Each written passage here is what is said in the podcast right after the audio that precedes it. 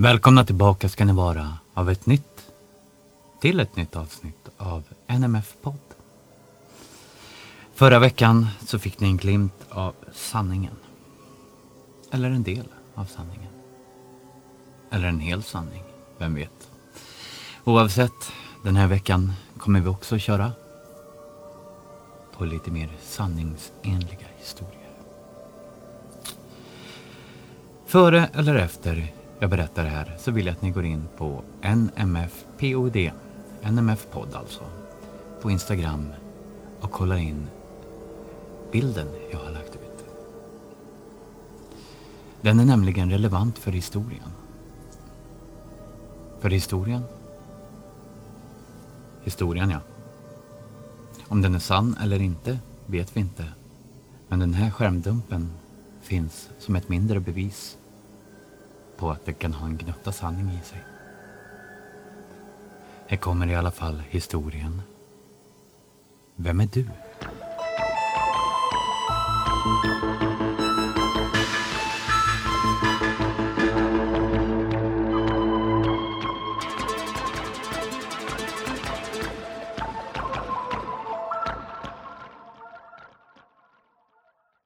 Det finns tillfällen som är så märkliga att det blir lite obehagliga. Osannolika sammanträffanden. Konstiga händelser som liksom griper tag i varandra och bildar en knappt urskiljbar kedja av något som kanske eller kanske inte har ett samband. Ibland behövs inte monster, spöken eller annat oknytt. Man känner sig obehagligt emot ändå. Får känslan av att det pågår något som man inte riktigt förstår och inte kan greppa. Det jag nu ska berätta för er är just en sådan historia. Den utspelar sig över många års tid och kanske eller kanske inte har de olika händelserna ett samband med varandra. Kanske finns det en röd tråd. Det är i alla fall lätt att tro det. För mig och min familj började alltihop eh, något av de allra första åren på 2000-talet. Min dotter var 12 eller 13 år, jag minns inte riktigt vilket, men hon var väldigt ung i alla fall. Det var semester och sommarlov och vi hade varit ute på någonting under dagen som dragit ut på tiden. Klockan hade blivit mycket, hon var över tio på kvällen och hela familjen satt i soffan och åt en nattmacka när hennes mobil plötsligt ringde. Och på den tiden gjorde ju inte mobiltelefoner mycket mer än fungerade som just telefon. Man kunde ringa ut eller in till dem och man kunde skicka sms. Mer än så var det inte. Men hon hade i alla fall en. Hennes äldre bror och jag hade också varsin men lilla syster var fortfarande för liten. Nu ringde det i alla fall i dotterns mobil och vi hoppade alla till av det plötsliga ljudet. Jag tyckte att det var lite konstigt att någon ringde till henne så pass sent när hon var så ung och tittade bekymrat på henne medan hon svarade. Hon såg osäker ut tyckte jag och det fick mig att tro att hon också tyckte att det var konstigt. Hon väntade inte det här samtalet. Hallå? svarade hon osäker och förvirrad och sedan följde ett antal lågmälda protester. Nej, nej, tant har kommit fel. Men jag heter inte Elin. Jag är inte Elin, jag heter Josefin och jag är hemma. Den som pratade i andra änden vägrade ge sig, men la till slut på i örat på min dotter, arg som ett bi. Det visade sig att det var en äldre dam som ringt och som bestämt hävdade att hon ringt till sitt barnbarn Elin. Hon sa sig känna igen Elins röst och att Elin genast skulle gå raka spåret hem. Josefin såg ganska olycklig ut. Hon tyckte att hon fått ta emot skäll i onödan och så var det ju också. Jag tröstade henne med att damen måste ha ringt fel och uppenbarligen var ganska upprörd, för så var det ju också. Men det slutade inte där. Den här damen ringde flera gånger och var fortfarande lika upprörd och arg. Hon hävdade bestämt att det var Elin hon talade med och fortsatte att skälla på min dotter. Så till slut tog jag över luren. Damen i andra änden var lika ovettig mot mig hon hävdade att hon absolut hade rätt nummer, att det var Elins nummer. Att jag, som ju åtminstone lät som en vuxen människa, borde skämmas för att hjälpa Elin att hålla sig undan. Det spelade ingen som helst roll vad jag sa. Hon var helt och hållet övertygad om att jag ljög och att jag undanhöll hennes barnbarn. Hon var riktigt rasande. Obehagligt arg. Farligt arg. Till slut lyckades jag avsluta samtalet i någorlunda hyfsad ton. Vi stängde av telefonen och nästa dag bytte vi simkort i Josefins telefon så hon fick ett nytt nummer. Damen måste ha ringt fel, tänkte vi. Eller den där Elin kanske hade gett henne fel nummer. Någonting i den stilen måste det ju vara. Sådant kan ju hända. Och jag kände att har man en dotter eller ett barnbarn ute på vift sent en kväll och som man inte får tag på, då blir man nog både rädd och desperat. Och då kan man nog lätt bli lite otrevlig också. Så vi släppte det där. Vi lät det vara helt enkelt och ställde in oss på att glömma bort hela saken. Men det slutade inte där heller. Damen ringde aldrig mer. Men under de följande månaderna började det dyka upp en Elin i olika sammanhang på internet. På Lunarstorm blev stackars Josefin kontaktad av en användare vars namn var just Elin. I varje chatt min dotter deltog dök den här Elin upp. Hon sa aldrig något utan markerade bara sin närvaro genom att skriva Elin. På någon annan sida där min dotter höll till, eh, jag minns inte vad den hette längre, var det samma sak. Överallt dök hon upp och markerade sin närvaro med bara sitt namn. Elin.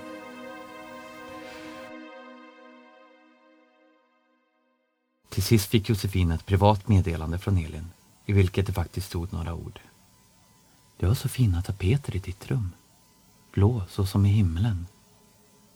Nu fick det vara nog, nu blev vi rädda på riktigt. För färgen på tapeterna stämde faktiskt. Hade Elin gissat och råkat gissa rätt? Hade hon stått och kikat in? Vem vet? Dottern stängde ner sina sidor och gjorde nya och efter det blev det tyst och vi hörde inte av Elin mer. Tiden gick och allt det där med Elin drev längre och längre bak i medvetandet. Vi pratade om det ibland, försökte gissa oss till vad det var som hände egentligen. Först damen som ville att Elin skulle gå hem och sedan en Elin som betedde sig konstigt på internet och tycktes veta färgen på dotterns tapeter. Var det en slump? Fanns det ett samband? Var det något slags skämt? Någon som tyckte att det var roligt? Vem skulle det vara i så fall? Vem orkar lägga ner så mycket energi på det här och vem kan hålla masken så bra? Vi pratade om det ibland som sagt men det blev mer och mer sällan vart efter åren gick. Så där som det blir när man verkligen inte kan hitta någon förklaring och ledsna på att försöka hitta en. Kanske var det bara en serie sammanträffanden. En bugg i verkligheten.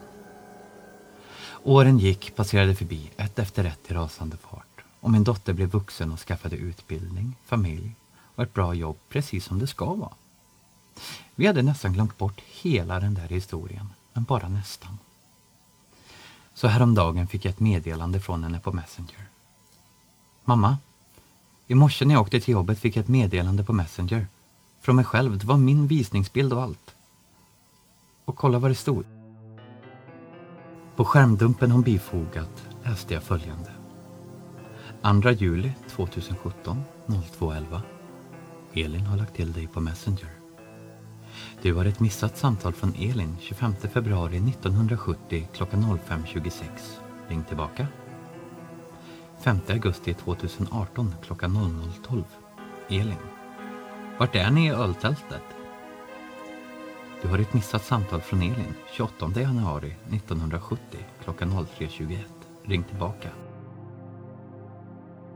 Elin igen. Hon är tillbaka. Eller är det bara ytterligare en tillfällighet?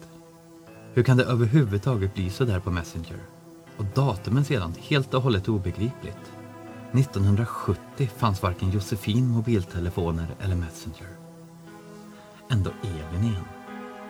Vem är du Elin? Vad vill du och vem är du egentligen? Vi har inga svar på någon av alla de där frågorna. Vi vet inte. Vi vet inte ens om det bara är en serie sammanträffanden. Men om det är det kan man ju tycka att det börjar bli rätt många nu. För många. Elin är ett vanligt namn som varit på modet på senare år. Det finns en hel del Elin där ute. Trots det känner ingen i familjen en enda Elin.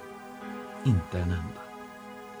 Den enda koppling jag kan komma på till själva namnet en ganska avlägsen släkting som i början av 1900-talet for till Amerika och aldrig mer hördes av. Hon hette Elin. Men det är också allt jag vet om henne. Så här står vi nu. Elin är tillbaka och vi är precis lika oförstående den här gången som vi var när hon dök upp första gången. Elin, vi vet inte vem du är. Vi vet inte vad det är du vill.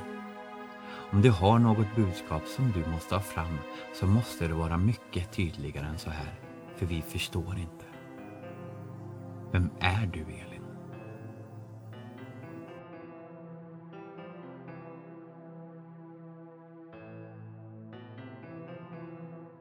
Vem är du? Av Mikaela Schmidt. Uppläst av mig, Tommy Nordin, här på NMF-podd.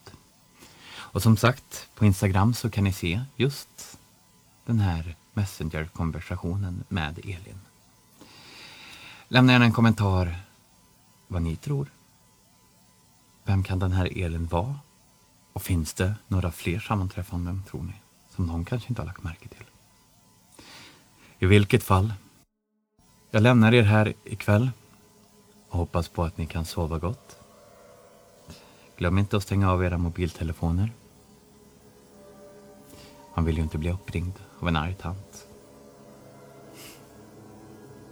Och lämna gärna ett meddelande på Instagram som sagt. För jag är nyfiken på dig lyssnare.